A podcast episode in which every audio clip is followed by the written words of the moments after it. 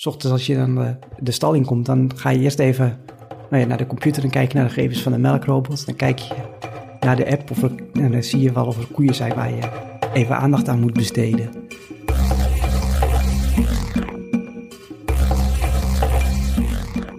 In dit seizoen van Cases ga ik op onderzoek uit in de wereld van kunstmatige intelligentie. Of liever, artificial intelligence, want AI bekt nou eenmaal lekkerder dan KI. En het is ook nogal een buzzword aan het worden, AI. Iedereen heeft het erover of wil er iets mee. Maar wat heb je eraan? Hoe groot is AI? En zit echt iedereen erop te wachten? Of schuilt er ook een gevaar in? En waar heb je nou nog helemaal geen AI? Waar doen ze dingen gewoon nog met het boerenverstand? Zonder al te veel nullen en enen. Want dat lijkt mij een prima plekje om eerst maar eens te ontrafelen wat AI precies is. Welkom bij het tweede seizoen van Cases, een podcast van Deloitte en Dag en Nacht Media. Mijn naam is Vivianne Bendermacher. Ik ben technologiedeskundige van RTL Boulevard, oprichter van Techionista en oud-hoofdredacteur van Kijk en van Viva. Ik dacht, ik neem de boot naar een waddeneiland. Naar het eiland van schapen, wuivend helmgras, zilte lucht en idyllische eilanden vol koeien. Een eiland waar ik meestal geen bereik heb. Ik neem je mee naar Texel, want daar dacht ik, doen ze vast niet of nauwelijks aan AI. Maar niets is minder waar. In deze aflevering de case van Bertha 65, de Tesselse koe die meer melk geeft en minder ziek is dankzij AI. Maar voor we echt aanmeren bij Bertha 65, moeten we eerst nog even terug naar de basis. Want wat is artificial intelligence? Ik bel Evert Haasdijk. Hij is binnen Deloitte specialist op het gebied van AI. De meeste definities zijn van de orde. Het zijn computers of robots of, soft, of programma's, software, die dingen kunnen, dingen die taken verrichten waarvan wij denken dat daar menselijke intelligentie voor nodig is. Een vervanger voor menselijke intelligentie dus. Een robot met menselijke competenties. Maar als de mens er zelf slim genoeg voor is en die competenties al heeft, waarom zou je het dan überhaupt door een computer willen laten doen? Omdat wij die competenties uh, nodig hebben voor een heleboel dingen die wij uh, niet willen doen, die gevaarlijk zijn om te doen of die te duur zijn om door mensen te laten doen. Zo'n robot stofzuigen. Het is een, een, een eenvoudig apparaat die doen het prima, maar uiteindelijk, als je met de hand stofzuigt, is het eigenlijk beter. We hebben er gewoon geen zin in. We willen helemaal niet stofzuigen. Nee, saai. Nu hoor je in deze tijd veel uh, buzzwords, veel jargon. En dat gaat van AI tot machine learning tot zelflerende algoritmes. Kun jij een beetje duiden wat nou wat is en wat hoort bij elkaar? Kan het een zonder het ander bestaan bijvoorbeeld? Kunstmatige intelligentie, proberen uit te geven, aan te, aan te geven, is een heel erg breed begrip. Bedenk maar aan alle dingen die, alle, alle dingen die wij, die mensen kunnen. Dat zijn al die dingetjes, die, die, die, als je een computerprogramma bouwt die dat ook kan, dan is dat op een of andere manier artificial intelligence. Sommige van die artificial intelligence maken we door regels vast te stellen, door bijvoorbeeld te bedenken hoe kan je nou mooi een, een, logisch bewijs maken. Dat is wat ouder of een momenteel wat minder populaire tak van AI. En een ander deel van AI, dat is het deel wat nu zo, zo, eh, zo ontzettend populair is, dat maakt gebruik van data en dat haalt patronen uit die data. Dat leren van data, dat heet machine learning. Dat is een bepaalde tak van artificial intelligence. En je hebt machine learning, kan je gebruiken om een programma te maken wat uh, nou, voetgangers herkent uh, als de, uh, de camera in een auto. Je kan het gebruiken om te kijken of een aanvraag voor een of andere subsidie wel of niet moet worden toegekend, of wel of niet frauduleus is en gecontroleerd moet worden. Je kan het op allerlei manieren inzetten. En zoals machine learning, zelflerende algoritmes, ja, dat is eigenlijk een, een dat is dan weer een onderdeel van machine learning. Je hebt, je, hebt machine learning waarbij, uh, hoe zeg je dat, waarbij, waarbij ik uh, als gebruiker zeg, dit is de data, maak een model, maak een, regel voor mij die bepaalt of, uh, nou, of, ik een, of ik een geval moet controleren of niet. Dat, dat is zeg maar tussen haakjes of tussen aanhalingstekens gewoon machine learning. Je hebt ook systemen die zelf dingen proberen En dan kijken hoe goed dat uitpakt. Dat is bijvoorbeeld, eh, een paar jaar geleden was er een, een, een prachtige doorbraak dat met AlphaGo, een programma van Roel Diekman, wat de beste Go-speler ter wereld toen versloeg. Dat programma dat kan zichzelf leren om zo'n spel te spelen door de hele tegen zichzelf te spelen. Dus het leert zichzelf. Ik hoor je denken, ja, hartstikke leuk, zo'n computer die zichzelf spelletjes leert spelen. Maar wat heeft dat in vredesnaam met Bertha 65 te maken? Dit is toch haar case? Ja, je hebt gelijk, luisteraar. En we pakken ook bijna de boot naar Texel om bij haar op bezoek te gaan. Maar eerst gaan we nog even naar Amsterdam. Want daar aan het ei ligt het gebouw waar Connecterra huist. Het bedrijf waarvan Bertha 65 een klant is. Wat zij precies doen? Dat vraag ik aan Niels Molenaar, de Customer Success Manager bij Connecterra. Connecterra is een bedrijf dat staat eigenlijk voor Connected Earth. Um, wij geloven dat door middel van kunstmatige intelligentie je de aarde beter kan begrijpen, dieren beter kan begrijpen, planten beter kan begrijpen, waardoor je op een efficiëntere manier voedsel kan produceren met respect voor het dier, uh, planeet uh, en, en de voedselproductie. Met respect voor het dier. Want hoe ziet het er nou uit? Ik ga nu uh, op bezoek bij Bertha 65. Wat moet ik me dan voorstellen? Wat heeft Bertha 65 waardoor jij alles van haar weet? Uh, Bertha 65 heeft een halsband om. Om die halsband hangt een uh, oranje ja, sensor, een, een, blokje. Daarmee weten we precies wat de koe doet. Dus we weten precies elk moment van de dag of ze ligt, of ze staat. Is ze aan het lopen, is ze aan het vreten, is ze aan het herkauwen. En daarmee maken we een profiel van de koe. Dus we weten wat het normale gedrag is voor die koe. We weten wat het normale gedrag is van de groep waarbinnen ze zich begeeft. Wat het gedrag is van de kudde. En wat het gedrag is van de veehouder. En aan de hand daarvan gaan we kijken, zien we iets vreemds gebeuren. En als we iets vreemds zien gebeuren, dan zeggen we tegen de veehouder: hey, deze koe die heeft ander gedrag. We zien dat ze minder herkoudt. Dat kan wijzen op bijvoorbeeld een verzuring van de pens. Ga eens kijken, krijgt ze misschien het verkeerde voer. En dat is, uh, ja, dat is wat wij weten van de koe. En hoe kan dat dat jullie dat weten? Wat voor soort sensoren zitten er dan in die halsband? Het belangrijkste wat erin zit is een accelerometer. Dus we weten de bewegingen van de koe. En door middel van uh, kunstmatige intelligentie kunnen we die beweging vertalen naar gedragsinformatie. Dus oh, deze beweging staat voor herkauwen. Deze beweging ja. staat voor lopen. Ja, ja inderdaad. Ja. En je zei ook, we kunnen ook het gedrag van de veehouder zien. Hoe dan? De veehouder, op het moment dat hij het systeem gebruikt, dan zegt hij of het eens is met IDA of niet. Dus IDA stelt een verandering voor en hij kan dan zeggen of zij van, nou dit, dit ben ik het wel mee eens of daar ben ik het niet mee eens. En dat is voor ons heel belangrijk, want wat je vaak ziet met, met wat oudere technologie is gebaseerd op statistiek. En wat het systeem dan zegt is van, oh, deze koe heeft dit probleem. En als die veehouder dan zegt van, nee, dat is niet zo, dan wordt het systeem daar niet slimmer van. Dus die leert die koe niet kennen. Wat wij juist zeggen is op het moment dat, dat er iets met die koe gebeurt en die veehouder zegt van ja, dit was wel zo of dit was niet zo, dan leert Ida, de, assistent leert zich aanpassen aan de veehouder en die zorgt dat ze de volgende keer slimmer is of uh, dat probleem er niet uitpakt omdat ze denkt dat het goed is of een nieuw probleem leert herkennen. En dat is die manier waarop we ook de veehouder leren kennen, omdat we weten wat op dat bedrijf er speelt en ja, wat voor die veehouder belangrijk is en hoe die zijn koeien uh, managt. En je noemde het al even, de naam IDA. Ja. Is IDA de naam van de software? IDA is de assistent die heel je kudde in de gaten houdt. Dus op het moment dat je, ja, dat je, dat je het systeem gebruikt, en als je het over IDA hebt, dan heb je eigenlijk over de assistent die naast jou staat in het bedrijf en die 24 uur per dag, 7 dagen per week naar je koeien kijkt. En dat doet IDA nogal uitgebreid. Ze houdt alles in de gaten. Terwijl de boer s'nachts ligt te slapen, weet zij van minuut tot minuut wat de koe aan het doen is. We weten het gedrag van de koe. Dus we weten dat de koe uh, uh, staat, ligt, loopt, herkoudt, uh, eet, drinkt. We gebruiken ook contextuele informatie, zoals weersdata en dat soort dingen. Daarnaast weten we waar een boerderij staat. En de rest halen we allemaal uit het gedrag van de koeien eigenlijk.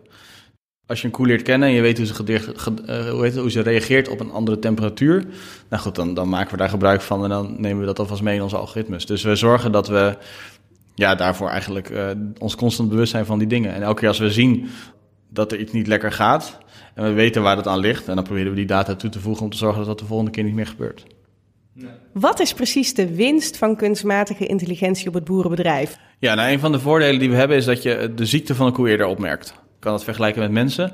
Op een gegeven moment dan word je heel erg ziek. En dan ga je naar de huisarts en dan krijg je zware medicatie. En na een tijdje word je weer beter. Maar omdat je heel erg ziek bent, heb je zwaardere medicijnen nodig. En duurt het heel lang voordat je weer gezond bent.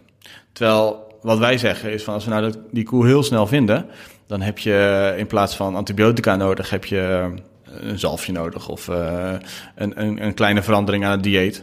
Waardoor die koe niet zo ziek wordt en uh, meer melk geeft. Dus je hebt een gezondere koe die ook, ook meer melk geeft. En dat zien we bijvoorbeeld ook bedrijven. We hebben laatst een uh, experiment gedaan.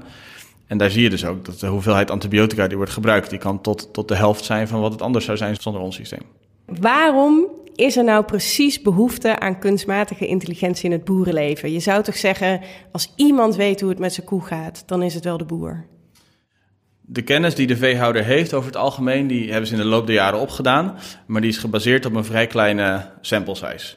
Wat wij dus zien is dat als je naar meer koeien kijkt en meer data hebt, dat je veel verfijndere aanpassingen kan maken aan het dieet van de koe, aan, aan andere eh, contextuele informatie rondom de koe, waardoor je ja, eigenlijk een soort verzamelde kennis van alle bedrijven over, over, over de wereld heen die we hebben kan inzetten om elke koe zo goed mogelijk uh, te behandelen. En dat, dat is uniek.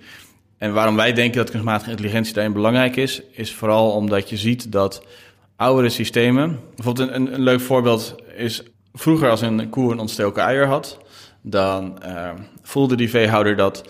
Die proefde de melk. Als de melk zout was, dan was er een ontsteking. Dus dat kon hij dan proeven. En nou, toen kreeg je sensoren die konden de geleidbaarheid van de melk meten.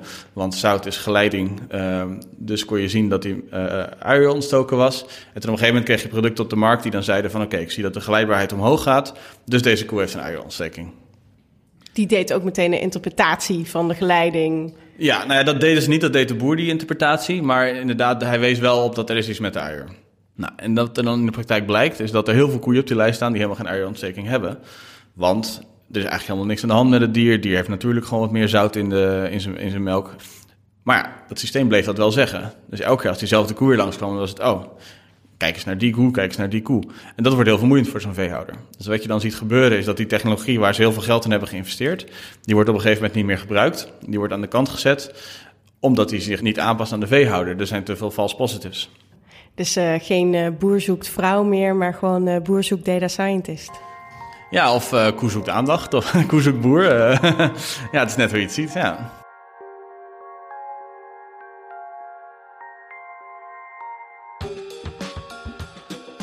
Ja, of Vief zoekt koe. Bertha 65 wacht op ons.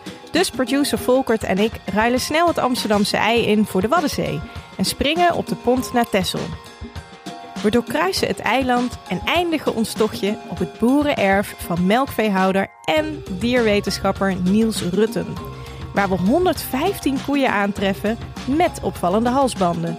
Halsbanden van Connecterra. Boer Niels wordt dus bijgestaan door slimme AI-assistent Ida.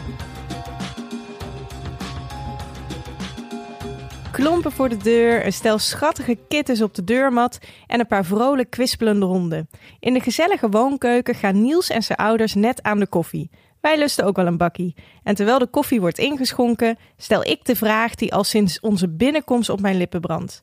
Wat heeft Niels, deze nuchtere, hardwerkende veehouder, in vredesnaam met AI? Uh, met kunstmatige intelligentie eigenlijk niet heel veel.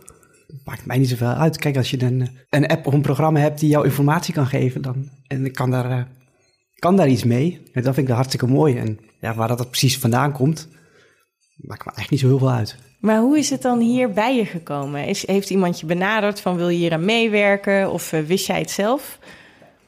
Nou ja, je, je zoekt naar manieren om uh, het, het makkelijker te maken als uh, melkveehouder. Ja, je kunt je koeien niet uh, 24 uur per dag, zeven dagen in de week zelf in de gaten houden. Dus ja, je zoekt daar naar tools. Toch hebben jullie dat waarschijnlijk heel lang wel zo gedaan. Ja, min of meer. Het is, het is natuurlijk nooit 24 uur, zeven dagen in de week geweest. Uh. Jullie koeien zijn uitgerust met die slimme halsbanden. Ja. Maar voordat die halsbanden er waren, hoe hield je dan je koe in de gaten? Nou ja, dan moest je inderdaad zelf de stal in en rondlopen. Goed, je bent sowieso vaak natuurlijk in de stal, uh, omdat je daar werk te doen hebt. Maar op een gegeven moment als je wat meer koeien krijgt, dan ga je toch, wordt het toch lastiger. Want het koppel wordt wat groter, dus je hebt minder makkelijk overzicht. En ja, op het moment dat jij er aan het werk bent, dan stoor je die koeien toch in hun normale gedrag. Dus je ziet ook dan niet alles wat je zou willen zien. Dat is grappig. Dus juist doordat je er bent, zou het kunnen dat die koe zich anders gaat gedragen. Dus wil je daar eigenlijk helemaal niet zijn. Soms niet, nee. Goh, daar heb ik eigenlijk nooit over nagedacht. Ik dacht, een boer die, die, die staat boven op zijn koeien en die kijkt dat beestjes in de ogen en die weet wanneer er iets mis is. Maar dat kan je dus juist beter niet doen. Nee, als je denkt van nou, met die koe is wat, dan moet je dat inderdaad doen. Maar soms is het ook gewoon, wil je weten of ze hun normale dingen doen. En dat doen ze pas als jij er niet bij bent. Ja, of je moet daar echt een uh, half uur gaan staan totdat ze denken van nou ja, dit is niet spannend. Uh. Ik word weer relaxed. Ja, precies. Ik ga weer mijn uh, eigen koeiending doen. Oh ja. Kun je ons meenemen door een dagje boer zijn of melkveehouder zijn? Wanneer komt dan die kunstmatige intelligentie voor het eerst om de hoek kijken? Sta je bijvoorbeeld op met je smartphone om even te checken? Of, of hoe werkt dat? Hoe laat sta je op? Nou ja, dat, dat wisselt wel eens. Um, meestal uh, zo rond een uur of zeven. S ochtends als je dan uh, de stal in komt, dan ga je eerst even nou ja, naar de computer en kijk je naar de gegevens van de melkrobot. Dan kijk je naar de app of en dan zie je wel of er koeien zijn waar je even aandacht aan moet besteden. Meestal even kijken of er tochtige koeien zijn die je voor de inseminator uh, apart moet zetten. En even kijken of er koeien zijn waarvan je denkt van nou misschien is daar iets mee aan de hand. Even kijken of die niet zijn uh, komen melken. Die moet je even ophalen. Wacht even. Denk jij nou wat ik denk, luisteraar? Zeven uur? Boeren stonden vroeger toch altijd voor dag en dauw op? En niet eerst naar de koeien, maar naar een melkrobot? En ik dacht nog wel dat het boerenbedrijf nog zo lekker analoog was. Met je voeten in de klei en zo. Maar dat terzijde. Terug naar Tessel. En toen jullie bedachten, we gaan Connecterra gebruiken, of IDA, dat systeem dan, hè? Mm-hmm. Had je overtuigingskracht nodig om het door te krijgen? Of, want jullie zijn als gezin ook betrokken bij het boerenbedrijf? Of was iedereen er meteen over uit, dat willen wij? Nou, we wilden iets om uh, inderdaad uh, de koeien in de gaten te kunnen houden. Ja, dat is, zijn er een heleboel partijen. Dus we hebben gekeken van, nou, wat, welke willen we dan? Dat was meer de keus. En wat merk je van het zelflerende? Zie je dat nu al, dat het, dat het steeds beter begrijpt hoe jouw koeien zijn? Ja, dat is moeilijk te zeggen, want dat gaat natuurlijk maar geleidelijk. Dus dat valt je niet. Het is niet zomaar dat van de een op de andere dag uh, tien keer beter is. Nee. Maar het, het is wel zo dat er steeds uh, toch wat foutjes weer uitgaan. En je hebt ook wel eens een foutenmelding. Je ziet wel dat dat wat minder wordt en bepaalde fouten er op een gegeven moment uitgaan. En dan, als dat zo is, wat gebeurt er dan? Krijg je dan een appje of, of de app die uh, geeft je een melding inderdaad uh, op je telefoon. En hoe vaak kijk jij daarna? Ben je nog steeds, als je je tijd zou moeten verdelen per dag, ben je dan meer naar je scherm aan het kijken of meer naar de koeien? Nou, dat, dat wint het scherm niet, want dat, dat is echt maar een paar minuten dat je erop kijkt. Maar ja, je moet toch, je kijkt toch ja, zomaar drie keer op een dag even of er iets, of er iets is iets wat nieuws is of uh, waar je wat mee zou moeten. En stel je krijgt een melding, er is iets met een koe. Ze is niet tochtig, want dan weet je meteen, uh, oh dan uh, ga ik de inseminator langs laten komen. Maar er is iets aan de hand met de koe. Wat gebeurt er dan? Dan ga je er meestal even opzoeken om te kijken wat er is. Je kijkt ook even naar de melkproductie. als die daalt, dan, dan is ze waarschijnlijk ziek. En dan als bel dat, je een veearts. sterk daalt, dan, dan moet je echt ingrijpen. En ja, dan hangt het er even vanaf. Is het iets waarvan je denkt van nou, dit weet ik wel, daar kun je zelf iets aan doen, dan doe je dat zelf. Maar als je het ja, niet weet of het is een uh, aandoening waar je de dierenarts zegt voor nodig hebt, dan bel je die. En dan komt die langs. Ja, en dan hangt het er even af hoe acuut het is. Bedoel, niet alles is zo dringend dat er onmiddellijk naar gekeken moet worden, maar, maar soms sommige ook, dingen ook wel. Daar heb je echt een paar uur uh, de tijd om in te grijpen dat voordeel snap ik wel. Door die halsband worden de koeien in de gaten gehouden. En als een koe het patroon doorbreekt, dan krijg jij een melding. En dan kan je bijvoorbeeld op tijd signaleren dat een koe ziek is. Maar zijn ja. er ook andere voordelen? Bijvoorbeeld uh, meer melkproductie, doordat ze die halsband om hebben? Nou ja, als je eerder kunt zien dat een koe tochtig is, dan wordt ze minder ernstig ziek. En hoe ernstiger een koe ziek is, hoe minder melk ze geeft. Dus in die zin kun je inderdaad de, sch de schade beperken. Maar wordt een koe ziek als ze tochtig is? Als ze tochtig is, niet. Oh, oké. Okay, oké. Nee, maar als ze echt een, een ja, ziekte er is heeft, iets. uh, en ja. dan, uh, ja, dan zie je het sneller en dus kun je eerder ingrijpen. Heeft hij het wel eens misgehad? Dat hij zei, deze koe is tochtig en dat jij dacht, nou, dat is hij zeker niet. Dat gebeurt wel eens, ja. En dan geef je het aan. Ja, dan geef je de app feedback. Ja, het kan wel eens gebeuren dat de koeien op een of andere manier uh, ja, rondrennen. En nou ja, dan mogen ze voor de eerste keer naar buiten of zo. Dan zijn ze extra blij. Ja. En dan denkt die app, oh, nou, dus ze zal wel tochtig zijn, terwijl ze gewoon heel blij was. Precies, dat, dat gebeurt gewoon. En toch ben ik nog niet helemaal bereid om mijn romantische beeld van een boer die zijn eigen koeien door en door kent op te geven. Is daar nou echt AI voor nodig? Nou ja, kijk, uh, de tijd dat je 10, 20 koeien had, dat je ze allemaal uh, bij naam kende en allemaal uh, echt kon volgen, zeg maar, is al die is voorbij. Met 100 koeien wordt het gewoon moeilijker om ze echt allemaal te kennen en in het koppel precies te zien wat welke koe doet. Dat is best lastig. Om geld te kunnen verdienen moet, kan er gewoon eigenlijk niet zoveel misgaan. Dus het wordt steeds belangrijker om te zorgen dat die koe gezond is. Dat ze op tijd geïnsemineerd wordt en op tijd weer kalft. Ja, dus moet je ze gewoon ja, beter in de gaten kunnen houden. En daarom ja, is zo'n systeem gewoon ontzettend makkelijk. Omdat die veel vaker naar die beesten kijkt eigenlijk. Gewoon de hele dag door.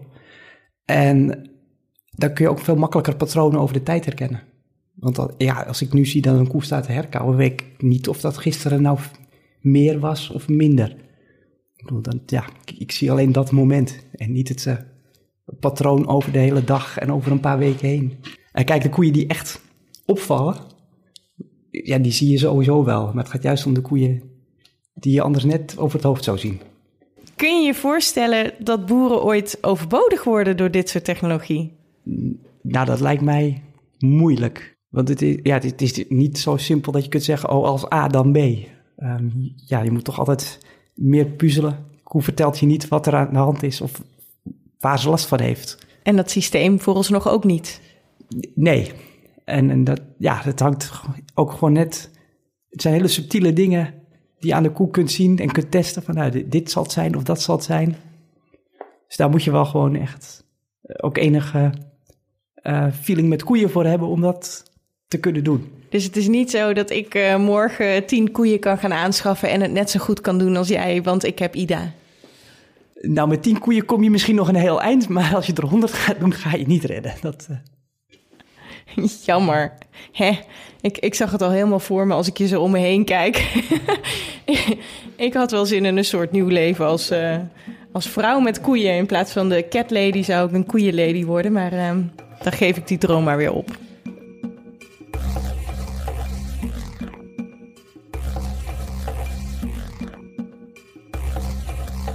Niels leidt ons nog even rond op zijn prachtige bedrijf.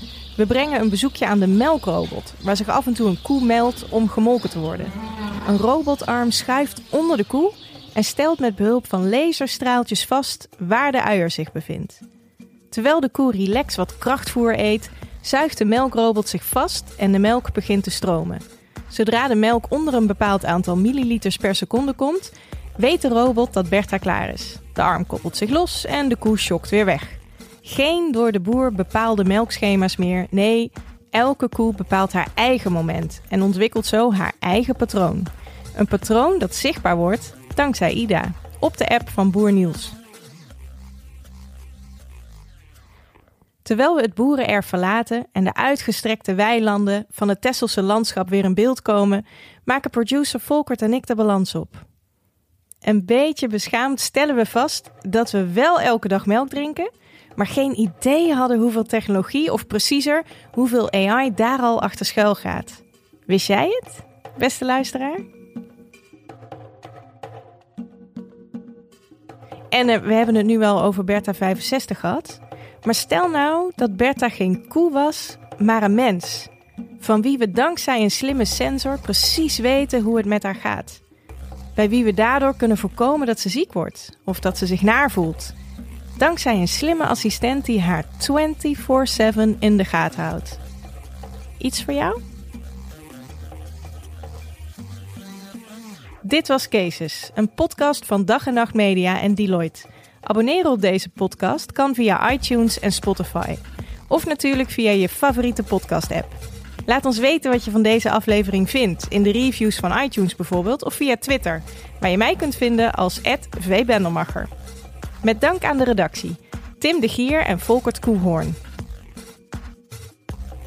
In de volgende aflevering van Cases gaan we van dieren naar mensen. We bijten ons vast in de case van Catch, het gezichtsherkenningssysteem van de politie. Tot de volgende keer bij Cases.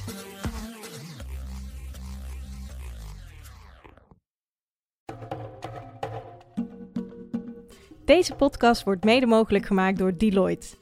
Tijdens het maken van deze serie zagen we hoeveel bijzondere projecten er bij Deloitte worden ondernomen, onder meer op het gebied van artificial intelligence. Ben jij daar nou ook in geïnteresseerd? Ga dan naar werkenbijdeloitte.nl.